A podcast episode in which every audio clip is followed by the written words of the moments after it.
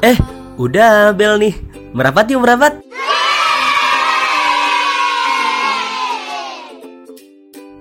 Oke, halo. Balik lagi bersama saya, Maruf El Munir dalam podcast Pikir-Pikir Lagi. Jadi, untuk teman-teman yang baru saja bergabung dengan podcast Pikir-Pikir Lagi, podcast ini adalah podcast yang banyak membahas tentang kepemudaan, pengembangan diri, psikologi, dan juga kesehatan mental. Episode 37 Berkeluarga di usia muda. Di episode kali ini adalah episode dengan topik yang tidak biasa Dan juga dengan narasumber yang tidak biasa Alias luar biasa. Nah di episode kali ini gue akan membahas berkeluarga di usia muda dengan host podcast subjektif. Ya ini tetuanya lah Tetuanya podcast-podcast di Indonesia mungkin bisa dibilang begitu ya. Kak Iqbal Haryadi ya Tentu lu semua pasti penasaran. Jadi simak selengkapnya ya. Langsung aja kita mulai. 3 2 dan 1.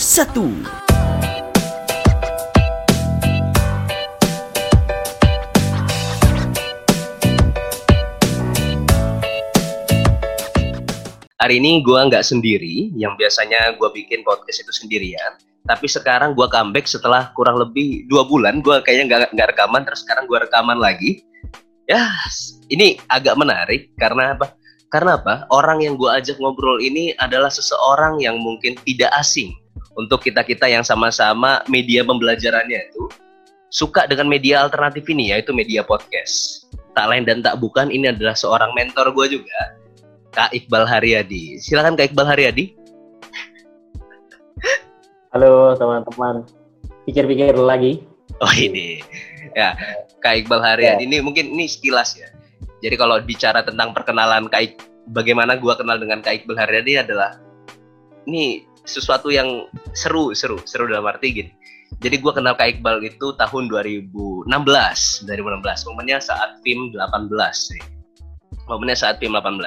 Ini kalau gue boleh sharing sesuatu nih kak, bagaimana kesan pertama gue ke lu? Ini kayaknya menarik.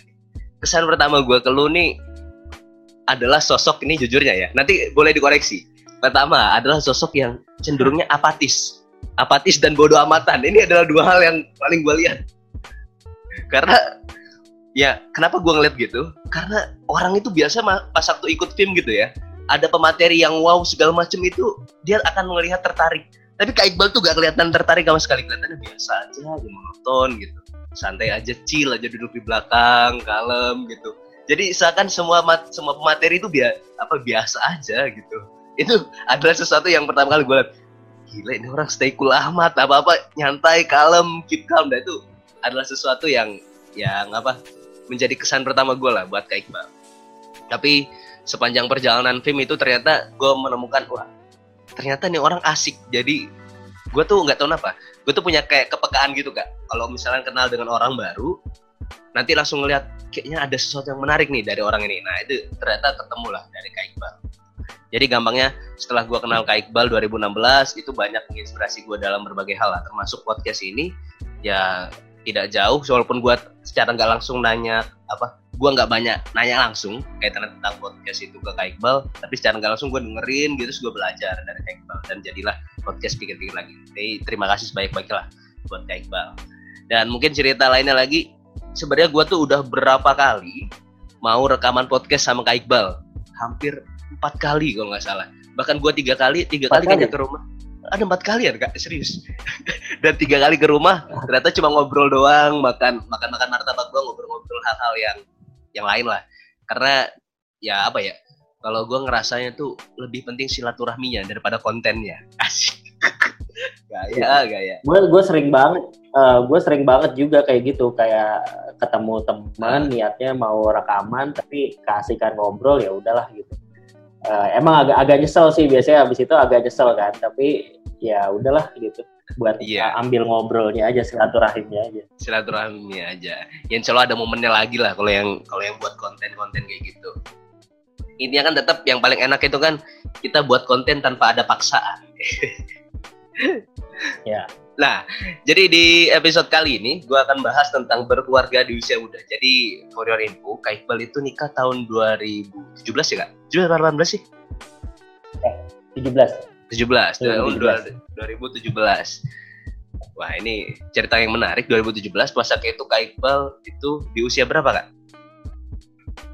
25 Usia 25, oke Ini kalau misalkan tadi di judul gue bilang berkeluarga di usia muda Sebenarnya nggak muda-muda banget ya Tapi nyatanya yang gue rasakan yang gue rasakan sih gini Memang 25 untuk orang-orang zaman sekarang itu terasanya sangat muda Karena apa ya? Ya mungkin teman-teman yang lagi dengerin mesti tahu lah teman-teman sendiri di umur 25 itu pada ngapain sih? Kebanyakan sih pada menikmati gaji lah. Gue bisa bilang gitu. Kebanyakan sih orang-orang itu pada menikmati gaji akhirnya belanja A, belanja itu, belanja dan segala macamnya. Tapi Kak Iqbal nih beda, di umur 25 memilih untuk menikah. Nah, pertanyaan pertama. Kenapa sih di umur 25 tuh menentukan untuk menikah? Atau mungkin ada ada sesuatu yang mau dibahas dulu kaitannya tentang kalau seandainya tadi gue bilang umur 25 itu adalah usia yang muda untuk menikah. Hmm. Kalau menurut gue sih 25 nggak kalau pakai standar society Indonesia ya 25 nggak muda-muda banget. Eh bukan nggak muda-muda banget, masih hitungannya masih muda justru uh, karena kebanyakan orang kayak uh, eh, gue nggak tahu sih ini perlu ada statistik ya tapi kayaknya orang kebanyakan kalau cowok terutama kayaknya yang standar itu orang nikahnya umur 27 28 hmm. gitu. 27 28 telat-telat 30 lah gitu. Kalau yang 25 itu udah hitungannya masuknya lumayan nikah muda ideal lah, lah ideal ya. Uh, ideal.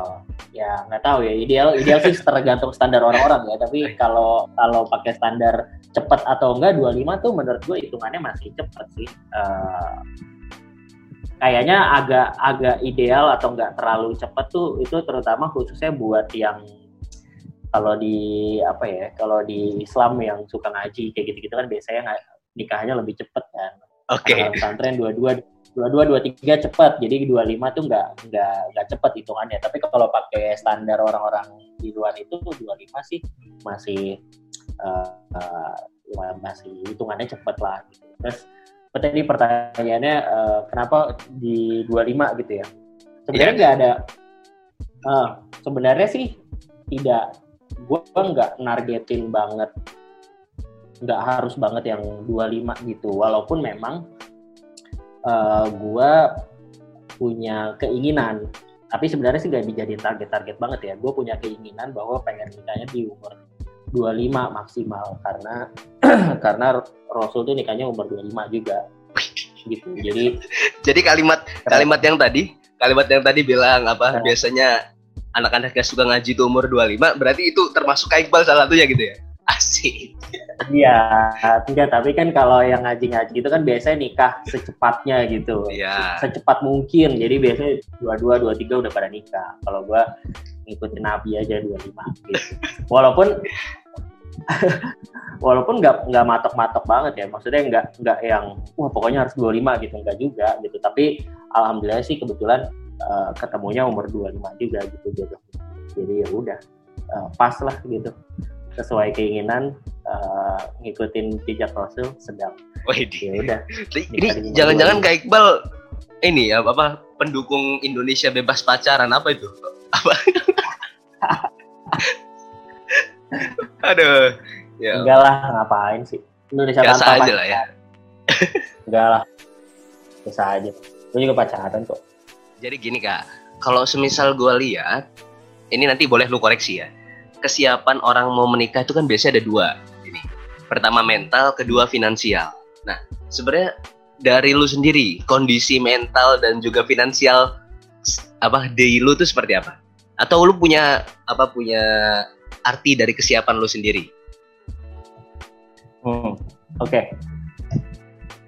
uh, oke okay. kalau mungkin mental dulu kan kalau mental sih kalau gue kalau gue sesimpel sebenarnya kapan sih siap siap nikah gitu ya uh, siap nikah itu ketika lu udah yakin apa alasan lu menikah itu satu kedua adalah ketika lo udah cukup udah merasa cukup bersedia untuk apa ya lo bersedia untuk berkompromi dengan orang lain gampangnya gitu lah okay. gitu nah dua dua dua hal ini menurut gua indikatornya kita coba bahas sedikit ya satu-satu. Yang pertama adalah ketika lo uh, apa tadi kalimat gue ya lupa gue. Alasan, alasan. Yang oh, pertama tadi alasan. Ketika ya, ketika lo udah tahu alasan lo menikah apa, terus uh, mungkin apa uh, detail di bawahnya adalah lo juga memahami apa arti menikah buat lo lah gitu. Karena menurut gue ya sebenarnya sih sebenarnya sih tiap orang kan pasti beda-beda ya uh, apa alasannya dan apa definisi menikah buat mereka. Tapi kalau buat gue um, intinya sih sebenarnya punya teman punya teman hidup yang gue sudah bersedia untuk uh, apa ya untuk berkompromi lah. Gue gua udah gua udah gua udah merasa gua udah merasa bahwa gue udah siap untuk berkompromi buat dia dan dia siap berkompromi buat gue gitu. Nah itu menurut gue, menurut gue itu fase fase kedewasaan sih. Jadi emang tergantung lo udah sampai ke titik itu atau belum. Sama di luar itu, gue juga gue juga karena gue karena gue punya prinsip agama ya. Jadi gue balikin ke agama sih sebenarnya nikah itu apa sih di dalam agama ya. Terus uh, kayak gimana uh, nikah itu dan segala macam. Jadi uh, gue sebelum sebelum menikah ya gue ketika udah mulai ada keinginan-keinginan gitu ya, maksudnya udah mulai ada keinginan niat nikah, ya gue baca-baca, gue dengerin kajian-kajian. Intinya gue pelajarin lah nikah dalam Islam itu apa sih konsepnya gitu. Ya intinya kan sebenarnya ibadah, hmm, ibadah jangka panjang kan, ibadah ibadah yang paling panjang dan uh, apa namanya di dalam pernikahan ya sebenarnya di Islam tuh udah dibahas semua. Dalam pernikahan ya lo harus belajar saling memahami nanti lu saling berkompromi dan lain-lain gitu jadi gue juga nggak punya bayangan gue nggak punya bayangan yang nikah tuh ketemu jodoh yang oh, apa namanya diciptakan sehidup semati ya gitu gitu gue nggak nggak ada bayangan kayak gitu karena gue balikin ke definisi itu. Plus uh, hubungannya juga apa namanya gue memahami apa mak apa makna jodoh itu juga berpengaruh. Gue karena gue balik lagi tadi berdasarkan agama ya di agama Islam kan sebenarnya simpel kan. Jodoh itu ya siapa sih jodoh lu? Jodoh lu ya orang yang orang yang udah ditentukan buat lu terus seberapa kalau dia adalah jodoh lu lu akan dimudahkan untuk uh, bersama dia kalau dia bukan jodoh lu seberapa pun keras lu berusaha ya lu nggak akan gak akan jadi sama dia gitu nah prinsip prinsip itu yang dari awal juga gue kasih tahu ke calon istri gue pada saat itu.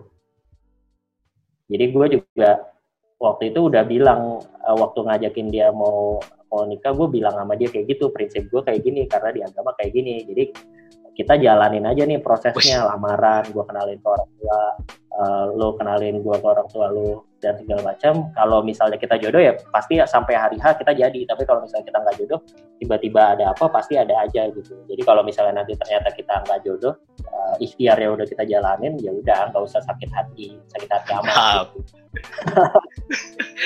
gitu sih sama ini jujur ya alasan Eh, eh lanjut lanjut apa? Jujur apa? iya, kalau gue ngelihat ngelihat lu ngomong gini ini adalah sesuatu yang beda lah. Ibaratnya gue ngeliat inner lu, inner lu nih dari dari apa yang jujurnya gue gini kak.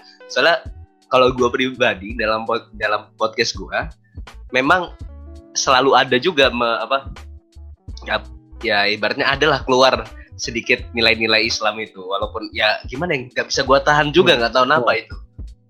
Di luar di luar dari latar belakang latar belakang gue juga sebagai seorang apa alumni pondok pesantren lu juga alumni pondok pesantren tapi Andri. yang gue lihat yang gue lihat dari lu tuh lu bisa bisa orang itu gak begitu ngelihat lu dari sisi itu. Nah jadi kalau gue ngelihat lu di sini tuh sisi yang lain gitu dan seru aja ngelihatnya. Sama kayak di podcast yang baru itu yang apa pesantren kilat ya pesantren kilat itu itu menarik hmm, tapi gini kak ya, itu gitu. tadi sebenarnya ah. cerita tadi itu rawan ini ya rawan apa jujurnya rawan-rawan di apa dibilang PHP lah ya jalin aja dulu dari sini ya. terus dari ha. dari lu sendiri ini akhirnya uh, selain tadi menunggu tanda-tanda dimudahkan tanda kan kalau tadi kan lu kan lebih kepada dimudahkannya dan segala macamnya terus pilihan hmm. lu gimana sih cara lu itu akhirnya memilih kalau misalkan oh ini tuh jodoh gua gitu lu gimana sih Hmm. Oke. Gua gua mau koreksi yang tadi ya. Menurut gua justru bukan bukan PHP, justru ini eh, jelas gitu loh di depan justru jelas di depan deal-dealannya gimana. oke Jadi gua jadi gua agak gua agak tarik mundur dulu ya. Jadi sebelum kenapa gue juga berangkat ke situ, itu salah satunya adalah eh, experience gue di hubungan relationship yang sebelumnya. oke. Jadi gue ada relationship yang sebelumnya, terus ya namanya anak muda kan kayak ada ada kena Ivan kayak ya udah nih dia pasti jodoh gue dan segala macam gitu. Em, dan itu cukup lama hubungannya lima tahun. Oke, eh, iya, dari zaman gua paham lah tapi gua nggak mau ninggung Iya. iya. Tapi akhirnya akhirnya akhirnya putus kan, akhirnya putus terus nah di situlah gua justru merasa bahwa approach yang baru itu justru harus harus harus jelas gitu. Maksudnya karena karena relationship gue yang sebelumnya tidak berhasil uh, sampai ke jenjang pernikahan. Nah, gue berikutnya gue pengennya ya udah nih serius aja kita yang uh, gue pengennya yang serius uh, jodoh gue uh, lanjut ke pernikahan gitu. Makanya uh, di relationship yang berikutnya yang sama istri gue saat ini pada saat itu calon istri gue ya gue bilang kayak gitu bahwa gue sekarang pengennya uh, serius nikah. Dan definisi jodoh gue adalah dimudahkan sama Allah gitu.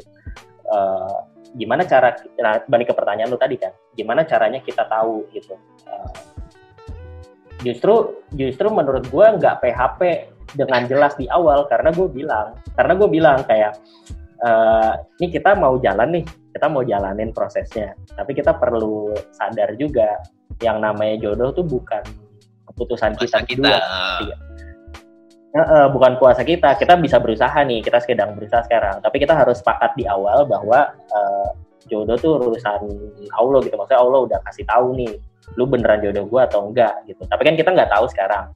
Jadi yang bisa kita lakukan sekarang adalah satu menyepakati bahwa jodoh itu eh, di tangan Allah oke. Sehingga kita nggak tahu belum tahu hasilnya. Yang kedua kita jalanin prosesnya sesuai yang disyariatkan nah jalanin prosesnya kan sebenarnya ya tadi simpelnya sebenarnya gue dikenalin ke orang tuanya dia gue kenalin ke orang tua gue kita lamaran terus kita eh, siapin akad pernikahan. Itu aja sebenarnya prosesnya dan kita jalanin proses itu. Nah eh, poin ketiganya adalah menjawab pertanyaan lo tadi gimana caranya tahu dia jodoh gua atau enggak? Ya kita jalanin prosesnya. Kalau dalam prosesnya dimudahkan lu yakin? beneran jodoh gua. Tapi kalau eh eh, itu kita jalanin aja gitu. Tapi kalau enggak ya udah eh, bagaimanapun pasti nggak akan kejadian. Nah tapi kurang-kurang lebih prinsip berpikirnya gua seperti itu tapi balik ke pertanyaan lo tadi sebenarnya kan tetap ada proses-proses lain gimana kita yakin sama orang ini gitu kan. Kenapa gue pilihnya cewek yang ini dibandingkan cewek yang lain gitu kan. Nah kalau itu sih eh, balik ke preferensi masing-masing ya. Maksudnya pasti gue ada kriteria-kriteria tersendiri juga yang eh, meyakinkan gue bahwa eh, dia adalah fase satunya adalah dia adalah jodoh yang gue inginkan gitu bukan jodoh gue kan jo- jodoh dia jodoh guanya kan tadi tergantung prosesnya nih. Tapi bahwa dia adalah jodoh yang gue inginkan ya itu ada kriteria kriteria kriteria yang kriteria kriteria yang gue temukan di eh, orang ini gitu. Kayak ya dia apa namanya cantik sesuai kriterianya sama gue terus eh, sama apa namanya ya hubung hubungan sama keluarganya bagus terus eh, apa ya eh, pinter ibu webel kayak gitu gitulah ya itu kan masing-masing pasti punya. Iya. Pasti punya punya preferensi masing-masing kan. Tapi kalau prosesnya jadi kayak gua ngerasa dia cocok oh ini kayaknya cocok deh lu kayaknya bisa nih eh, lu lu sesuai kriteria jodoh yang gue inginkan baru gua ultimatum dengan eh, pro- dengan kriteria yang tiga tadi. Eh nih tiga hal ini kita sepakatin lu masih mau jalan bareng nggak sama gua jalanin prosesnya gitu alhamdulillahnya sih mau. Kalau waktu itu jawabannya kalau waktu itu jawabannya enggak juga gue nggak gimana gimana maksudnya ya udah gitu ya udah kita pisah gue cari yang lain gitu. Tapi ya alhamdulillahnya kan di ternyata dia mau. Ya berarti itu gue sih menganggap itu bagian dari proses dimudahkan sama Allahnya gitu gitu. Tapi itu memang pilihan-pilihan yang sulit sih itu ya. Sulit sulit. Gue yakin ya itu bukan pilihan mudah lah. Dan harusnya sih tidak mudah ya gue sih yakin harusnya nggak mudah. Oke okay. untuk selanjutnya nih dari Kak Iqbal. Sebenarnya hal lain yang gue gue lihat uh, Kak Iqbal ini kan gue lihat adalah sosok yang mobilitasnya tinggi lah. Mobil secara mobilitas tinggi. Terus hal apa sih yang paling berubah dari Kak Iqbal yang dulu sebelum menikah dengan sekarang yang sudah menikah ketika di awal? Perubahan apa ya. yang paling terasa okay. um, apa ya uh, ya itu sih uh, waktu kali ya dulu kan gue sebelum terutama mungkin sebelum ya sebelum nikah ya sebelum nikah gue kan kerja banget gitu uh, kerja ataupun kegiatan-kegiatan di luar pekerjaan lah gitu jadi kayak yeah. kantor selesai uh, ya bisa jadi malamnya masih kerja juga atau uh, melakukan hal-hal di luar kerjaan kayak entah bikin podcast, entah ikut networking event apa, entah uh, macam-macam lah gitu. Hmm. Pokoknya emang Ya tapi kan lu juga sering tidur di kantor kan. Gitu. Iya, ya itu kan makanya bagian dari pekerjaan. bagian dari kerjaan. Uh, tapi ya habis itu habis menikah yang kayak gitu-gitu tuh jadi jadi dikurangi sih. Walaupun lu bisa tanya istri gue juga sih tanya cantik ya. Sebenarnya kayak gitu-gitu masih masih berjalan juga, tapi at least adaptasinya at least, lah. Uh, ya di, banyak dikurangi lah gitu. Gue itu salah satu yang paling berat sih. Salah satu yang paling berat sebenarnya buat gue pribadi. Karena caranya membuat apa ya membatasi atau memisahkan secara clear antara waktu uh, waktu waktu untuk pekerjaan atau waktu untuk diri sendiri waktu gue eksistensi misalnya bikin podcast dan lain-lain dengan uh, waktu sama keluarga gitu. Tapi ya perbedaannya tadi jauh berkurang lah dibandingkan yang dulu. Gitu. Terus itu salah satu adaptasi ya, uh, oke. Okay. terus kira-kira apa sih kak? Uh, ini gue juga kepo ya kepo ya dalam arti gini yang lu rasain apa sih tantangan terbesar dengan generasi kita nih yang berkeluarga di tahun-tahun ini dengan orang tua orang tua kita dulu? Ada nggak? Kalau gue lihat kan ada ada tantangan-tantangan tersendiri gitu ya. Termasuk nih ini ini gua yang gua rasain ya yang dan gua lihat sekarang kan adalah banyak sekali orang-orang itu misalkan punya pernikahan impian contoh lah hmm. ada juga orang-orang tua calon-calon mertua tuh yang udah menginginkan menikahnya tuh dengan standar A, standar B, dan standar C. Nah, kalau yang lu rasain sendiri tuh sebenarnya seperti apa sih? Hmm kalau misalnya spesifik soal itu uh, ya memang ini sih mem memang kerasa uh, atau mungkin yang perlu digarisbawahi ya untuk teman-teman yang belum menikah adalah uh, yang menikah itu kan bukan cuma kita bukan cuma kita sama calon kita gitu bukan kita sama bukan cuma kita sama pasangan kita tapi itu menyatukan dua keluarga nah itu biasanya yang ribet-ribet di nyatuin dua keluarganya itu kan uh, nah kalau misalnya case-nya spesifik yang tadi lu mention, uh, kalau yang gue rasakan memang kerasa sih. Maksudnya ya orang tua kan pasti pengen punya keinginan-keinginan sendiri gitu ya. Yeah.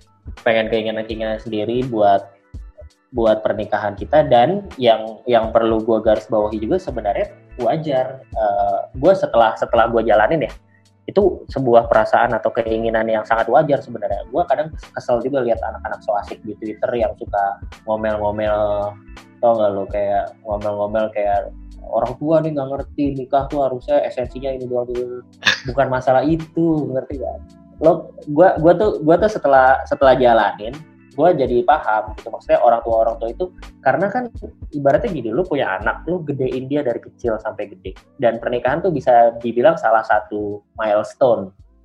Yeah. bahwa gue berhasil gue berhasil me, membesarkan anak gue dengan baik dia jadi punya karakter dia jadi bisa mandiri sekarang dan segala macam.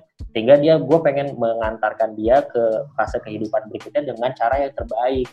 Nah di situlah sebenarnya muncul keinginan orang tua pengen uh, pernikahan anaknya kayak gimana kayak gimana. Pengen ada pengen ngundang orang dan lain-lain.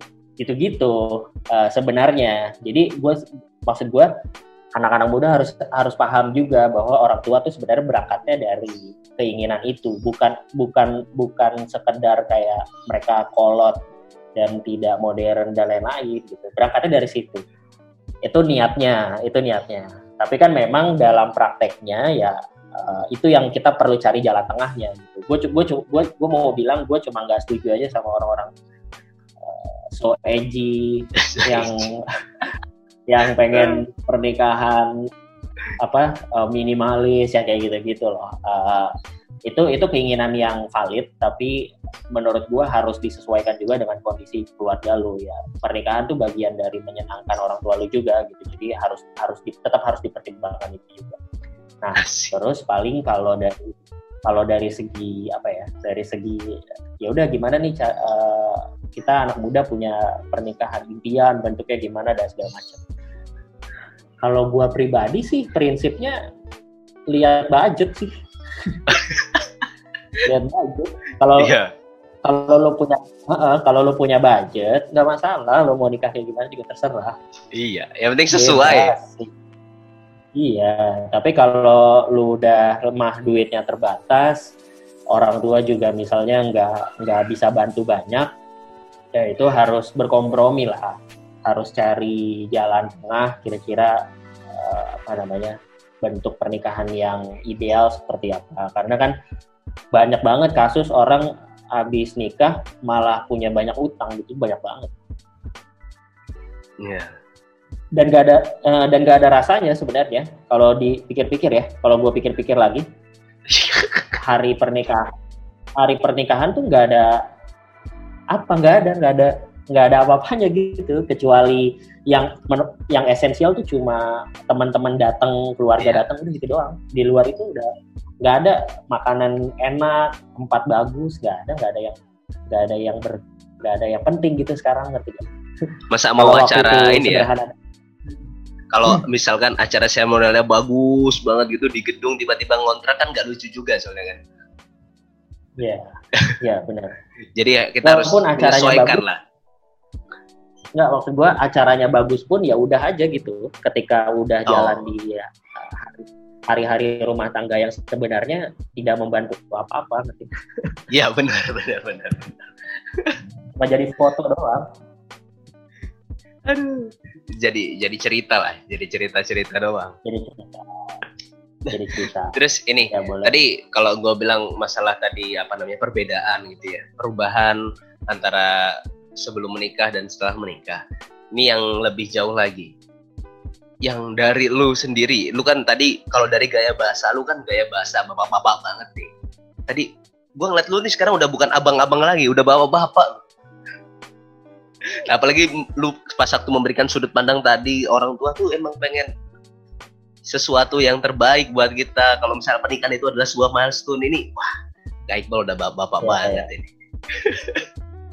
nah, maksud gue gini, apa sih perubahannya lagi, atau mungkin perbedaannya lagi antara sebelum menikah ya dengan sebe, apa setelah menikah namun belum punya anak, dengan setelah menikah dan sudah punya anak, apa yang paling dirasakan berbeda gitu? Hmm, apa ya banyak banyak hal sih ya tapi kalau misalnya ada satu hal kayaknya yang umum ini umum sih sebenarnya tapi uh, sudut pandang kali ya. Wah, sudut pandang dan menarik. empati. Sudut pandang dan empati. Sudut pandang, sudut pandang dan empati. Jadi kayak ya case-nya kayak tadi gitu. Ketika belum nikah, gue juga gue juga termasuk orang yang kayak menganggap misalnya ya contoh kasus ya tadi aja kayak uh, membuat akad apa resepsi pernikahan yang wow perbedaan keinginan resepsi pernikahan antara orang tua sama anak Nah, gue juga sebelum menikah menganggap kayak apaan sih orang tua kolot banget harus gini harus gitu dan segala macam gitu. Tapi setelah gue jalanin proses pernikahannya, terus gue udah nikah, itu beda banget. Gue juga udah ngerasa kayak anjir nih uh, apa resepsi nggak ada. Ya tidak tidak tidak sebenarnya esensinya nggak ada gitu. Kalau itu resepsi ditiadakan, tidak ada yang berkurang dari pernikahan ini ngerti gak? Iya, nggak ya jadi, ngaruhnya nggak uh, besar lah ya. uh, ngaruhnya nggak besar. Jadi dan itu uh, perubahan itu karena setelah jalanin dan setelah tahu oh ternyata di dalamnya kayak gini gitu oh ternyata kayak gini doang dan segala macam. Akhirnya sudut pandang berubah uh, persepsi terhadap sesuatu berubah empati juga berubah. Empati dalam artian kayak ketika misalnya sebelum menikah dengan opini yang kayak tadi ngelihat ada orang yang misalnya harus harus nikah uh, dengan wow dan segala macam uh, dulu mungkin kayak first responsnya adalah menghujat gitu kayak ih ngapain sih norak banget dan segala macam. Iya iya. iya. Tapi ketika udah tahu uh, uh, ketika udah tahu prosesnya seperti apa, gue kalau ada orang kayak gitu ya gue dalam hati banyak kemungkinan di dalam hati gue kayak oh ya mungkin emang orang tuanya uh, apa namanya ya mungkin dia pengen ngasih sesuatu yang terbaik buat orang tuanya atau mungkin orang tuanya nih oh ternyata oh dia oh gue paham dia tuh anak satu-satunya makanya orang tuanya mau ngasih yang wow dan segala macam kayak gitu-gitu loh uh, misal terus tadi misalnya perbedaan setelah punya anak gitu ya setelah punya anak kayak ya sama uh, apa ya ya intinya bahwa punya mengurus anak itu sesusah itu gitu Oke. Okay. Mengurus anak ses, mengurus mengurus anak sesusah itu uh, dan ini sebuah perjalanan yang panjang dan banyak pengorbanannya dan segala macam sehingga gue pelan-pelan tuh mulai paham gitu semua keputusan orang tua gue kenapa orang tua gue uh, sikapnya seperti apa. Ya hal-hal yang kayak gitu gue jadi mulai ngerti satu persatu gitu. Kayak misalnya eh, ini sebenarnya bukan bukan spesifik orang tua gue ya tapi yeah. contoh ekstrim bagaimana sudut pandang gue berubah setelah gue uh, punya anak. Uh, gue jadi paham ketika ada orang tua yang marah kalau anaknya uh, apa namanya ketika ada orang tua yang ingin banget mengarahkan anaknya untuk kuliah di jurusan tertentu. Oke. Itu gue jadi paham. Gue nggak bilang gue setuju ya. Gue yeah, bilang yeah. gue paham. Gue paham ketika ada orang tua yang kekeh banget kayak lu harus kuliah dokter dan segala macam. Kan banyak tuh teman-teman hmm. kita atau ya kita juga mungkin diarahkan banget harus gini-gini dan segala macam. Dulu kan kita kayak karena kita korban dalam tanda kutip karena yeah. kita korban mungkin kita kayak apaan sih ngapain sih orang tua gue maksa-maksa dan segala macam? Tapi setelah gue jadi orang tua gue bisa paham kalau ada orang tua yang kayak gitu. Karena karena ya eh, kalau ada kalau ada anak SMA yang mau masuk kuliah itu kan berarti dia udah hidup minimal 17 tahun Okay. 17 tahun dari kecil dia diurus nih sama orang tua ini dan lu nggak tahu betapa betapa capeknya mengurus seorang anak. Itu baru kerasa setelah gue punya anak gitu maksudnya. Bahwa si anak ini malam-malam eh malam-malam nangis bangun harus dicebokin harus dikasih makan dikasih makan muntah. Uh, tiba-tiba na, uh, apa nangis sakit tapi kita nggak tahu sakit apa karena dia nggak bisa ngomong eh, tiba-tiba dia berak, beraknya berdarah, terus kita bingung mau ngapain. Hal-hal yang kayak gitu loh. Hal-hal yang kayak gitu yang akhirnya gue jadi jadi jadi paham ketika jadi paham ketika ada orang tua yang dalam tanda kutip memaksakan keinginannya kepada anaknya itu sebenarnya dalam dalam dalam bah, dalam kalau dibahasakan itu kayak orang tuanya bilang gue tuh udah ngasih semuanya lo buat lo lu gue minta lu nurutin satu hal ini aja karena gue yakin ini yang terbaik buat lu. Mau nggak lu ngikutin gue itu sebenarnya kalau dibahasa yeah. Dibahasakan kayak gitu. Tapi memang ketika dalam prakteknya kan mungkin ada orang tua yang bahasanya keluarnya nggak enak beda-beda. Ada yang nggak enak ada yang mungkin anaknya disakitin dan segala macam. Tapi poin gue adalah uh, tadi balik ke pertanyaan lu sudut pandang gue berubah banget gitu. Jadi misalnya ada sesuatu yang ada sesuatu yang rame di sosmed terkait hubungan orang tua dengan anak ya gue nggak reaktif kayak dulu. Lebih wise lah ya. Gue gue lebih ngelihat kayak ya mungkin emang anaknya kurang ajar misalnya kayak gitu. Atau atau ya mungkin mungkin orang tuanya capek banget lu nggak tahu mungkin orang tuanya capek banget dia kerja apa segala macam anaknya udah dikasih yang terbaik tapi anaknya nggak ngerti gitu. Ya bukan salah anaknya juga gue nggak bilang salah anaknya juga tapi uh, eh, gue jadi paham ketika ada hal-hal yang di luar batas tuh ada ada kemungkinan-kemungkinan itu gitu. Hmm. Ada kemungkinan alasan-alasan ya. lain lah ya. ada alasan-alasan lain terlepas dari kita setuju atau tidak dengan alasan itu. Ini menarik banget deh obrolan ini. Jadi ini yang gue pahami dari Kak Iqbal adalah ya ya tadi gitu. Ada emang banyak yang gue rasakan banget ya. Dari Kak Iqbal itu banyak banget perubahan itu jelas. Mulai dari episode-episode di podcast itu gue lihat ada pembahasan-pembahasan yang jauh lebih wise. Terus sudut pandangnya juga lebih lebih lebih lebih luas. Itu jelas lebih luas itu ya. Dan hal-hal lainnya juga yang jujur gua gua lihat di lu juga kok ada momen-momen lu tuh nggak produktif terus ada momen-momen lu tuh produktif banget. Nah hal-hal kayak gini ini yang gua mau tanyain. Sebenarnya apa sih yang terjadi di lu dalam tiga tahun empat tahun terakhir. Ini yang gua amatin sih gitu ya. kayaknya. Ini orang kok kayaknya ada momen-momen uh, apa produktif banget. Entah itu di Tumblr entah itu di Twitter kayak gitu gitu sebenarnya apa sih yang terjadi? Ya. mungkin ini ada pertanyaan-pertanyaan terakhir kali ya.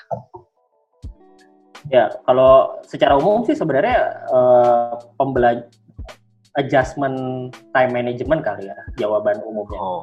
maksudnya uh, ya seiring berjalannya waktu ada perubahan-perubahan pola hidup lah dengan dengan misalnya waktu waktu apa ya waktu istri gue masih hamil mau lahiran terus udah lahiran sekarang anaknya umur misalnya pas umur tiga bulan sekarang anaknya umur tujuh bulan itu kan beda-beda ya dan dan lebih banyak kalau secara umum sih mungkin bisa dibilang lebih banyak momen-momen tidak terduganya gitu. Jadi kayak yang tadinya niatnya nih minggu ini mau produktif misalnya gitu mau bikin berapa konten dan segala macam.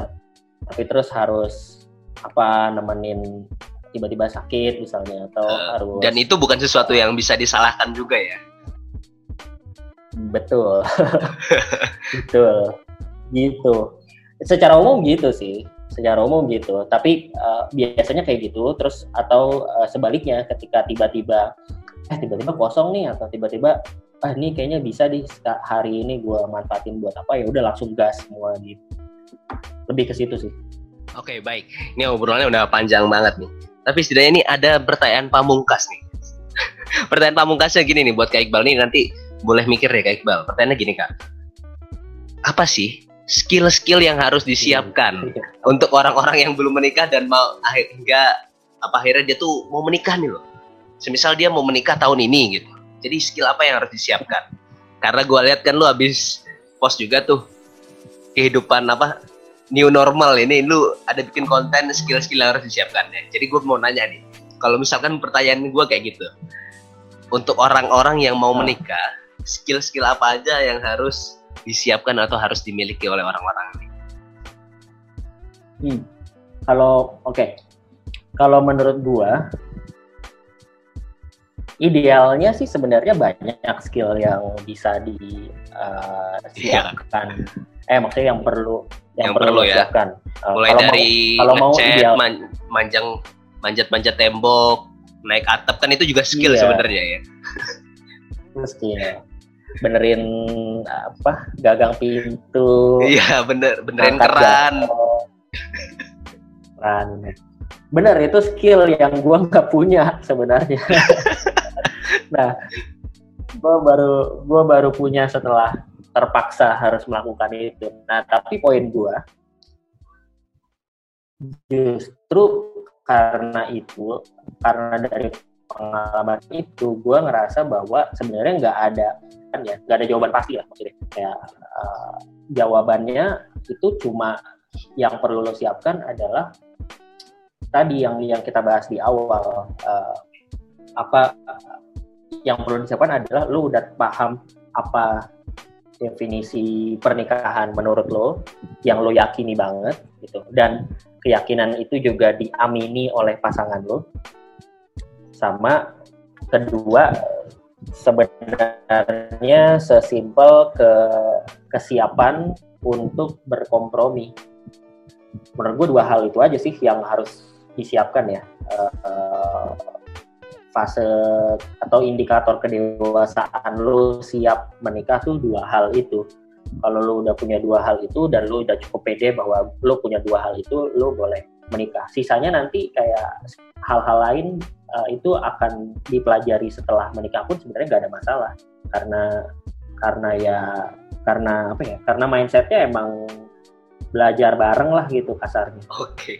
Berarti belajar, ya itu ya. Belajar bareng. Kedewasaan ya, dan uh, kedewasaan dan mungkin satu tadi apa? Lebih ke memahami arti pernikahan apa ya bahasanya? Ya itulah memak cara memaknai sendiri gitu ya. Ya Mendefinisikan lu, sendiri bagaimana lu, itu pernikahan. Lo punya definisi lo punya definisi sendiri terhadap pernikahan dan lo meyakini itu. Uh, kalau sebenarnya kan jawaban jawaban idealnya gue bilang kayak ya definisi pernikahan itu yang seperti di agama Islam gini gini gini. Tapi kan mungkin nggak semua orang bahkan tidak semua orang Islam mungkin meyakini definisi itu gitu. Jadi ya selama lo punya definisi sendiri dan lo yakin dengan definisi itu dan pasangan lo juga yakin dengan definisi itu bahwa dan lo sepakat bahwa ini adalah pernikahan yang kita uh, bayangkan dan kita siap jalankan ya udah gitu. Oke, gitu. kalau gitu baik terima kasih kak. Terakhir deh pesan pesan terakhir nih apa nih? Pesan pesan terakhir khusus episode ini tentang berkeluarga di usia muda. apa pesannya? Apa ya? ya ada deh pahami sebelum jalan uh, pahami sebelum jalani kali ya Wih, ini dalam juga artinya pahami sebelum jalani entah itu pahami jalan yang ya, mau ditempuh entah itu pahami kendaraannya entah itu pahami siapa teman jalannya kalau gue memahami sih gitu nih dalam oke ya, terima kasih kak Iqbal atas oh apa tuh ya Enggak, gue cuma mau mengemphasize lagi tadi apa pahami sebelum jalan itu ya sebenarnya jalannya apa pun kan terserah lo. Iya. Karena bisa jadi jalan yang lo jalan yang lo ambil adalah tidak menikah ya nggak apa-apa juga. Gitu. Selama selama lo menjalani itu karena lo paham kenapa lo mengambil keputusan itu. Oke. Okay. Gitu. Baik. Tuh kan wise banget lo. Udah kalimat pertama aja dikoreksi dengan kalimat seperti itu. Ini Asli, wise banget. Oke, makasih banyak Kak Iqbal atas obrolannya hari ini. Nih, kalau dari gue, ya akhirnya setelah banyak penundaan, akhirnya sekarang bisa ngobrol lagi. Harapannya sih gue masih bisa bikin podcast lagi bareng lu. Gambarannya mungkin dengan episode yang tadi tadi gue udah udah sebutin di di sebelum ini, gue bilang tentang mengatur ritme kehidupan. Jadi hal-hal menarik dari Kak Iqbal tuh ada banyak banget tentang mengatur ritme kehidupan ini sebagai pembahasan singkatnya ya nanti di episode berikutnya entah kapan.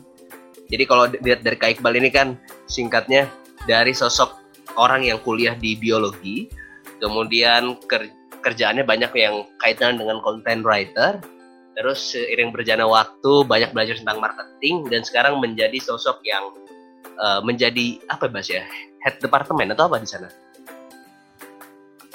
Ya, head, begitulah head departemen marketing di di mana ah, kayaknya gak nggak apa-apa disebutin di kita bisa ya, apa-apa. nah ya. jadi hal hal ini kayaknya uh, perlu banyak digali juga sampai akhirnya hal-hal yang menarik kayak misalkan banyak orang di umur-umur sekarang tuh sebenarnya banyak yang memilih untuk melalang buana apalagi dunia di dunia startup gitu ya banyak yang melalang buana tapi Kak Iqbal memilih untuk lima tahun ya kak lima tahun apa empat tahun ya lima lima tahun di kitabisa.com ini mesti ada sesuatu yang menarik di balik itu.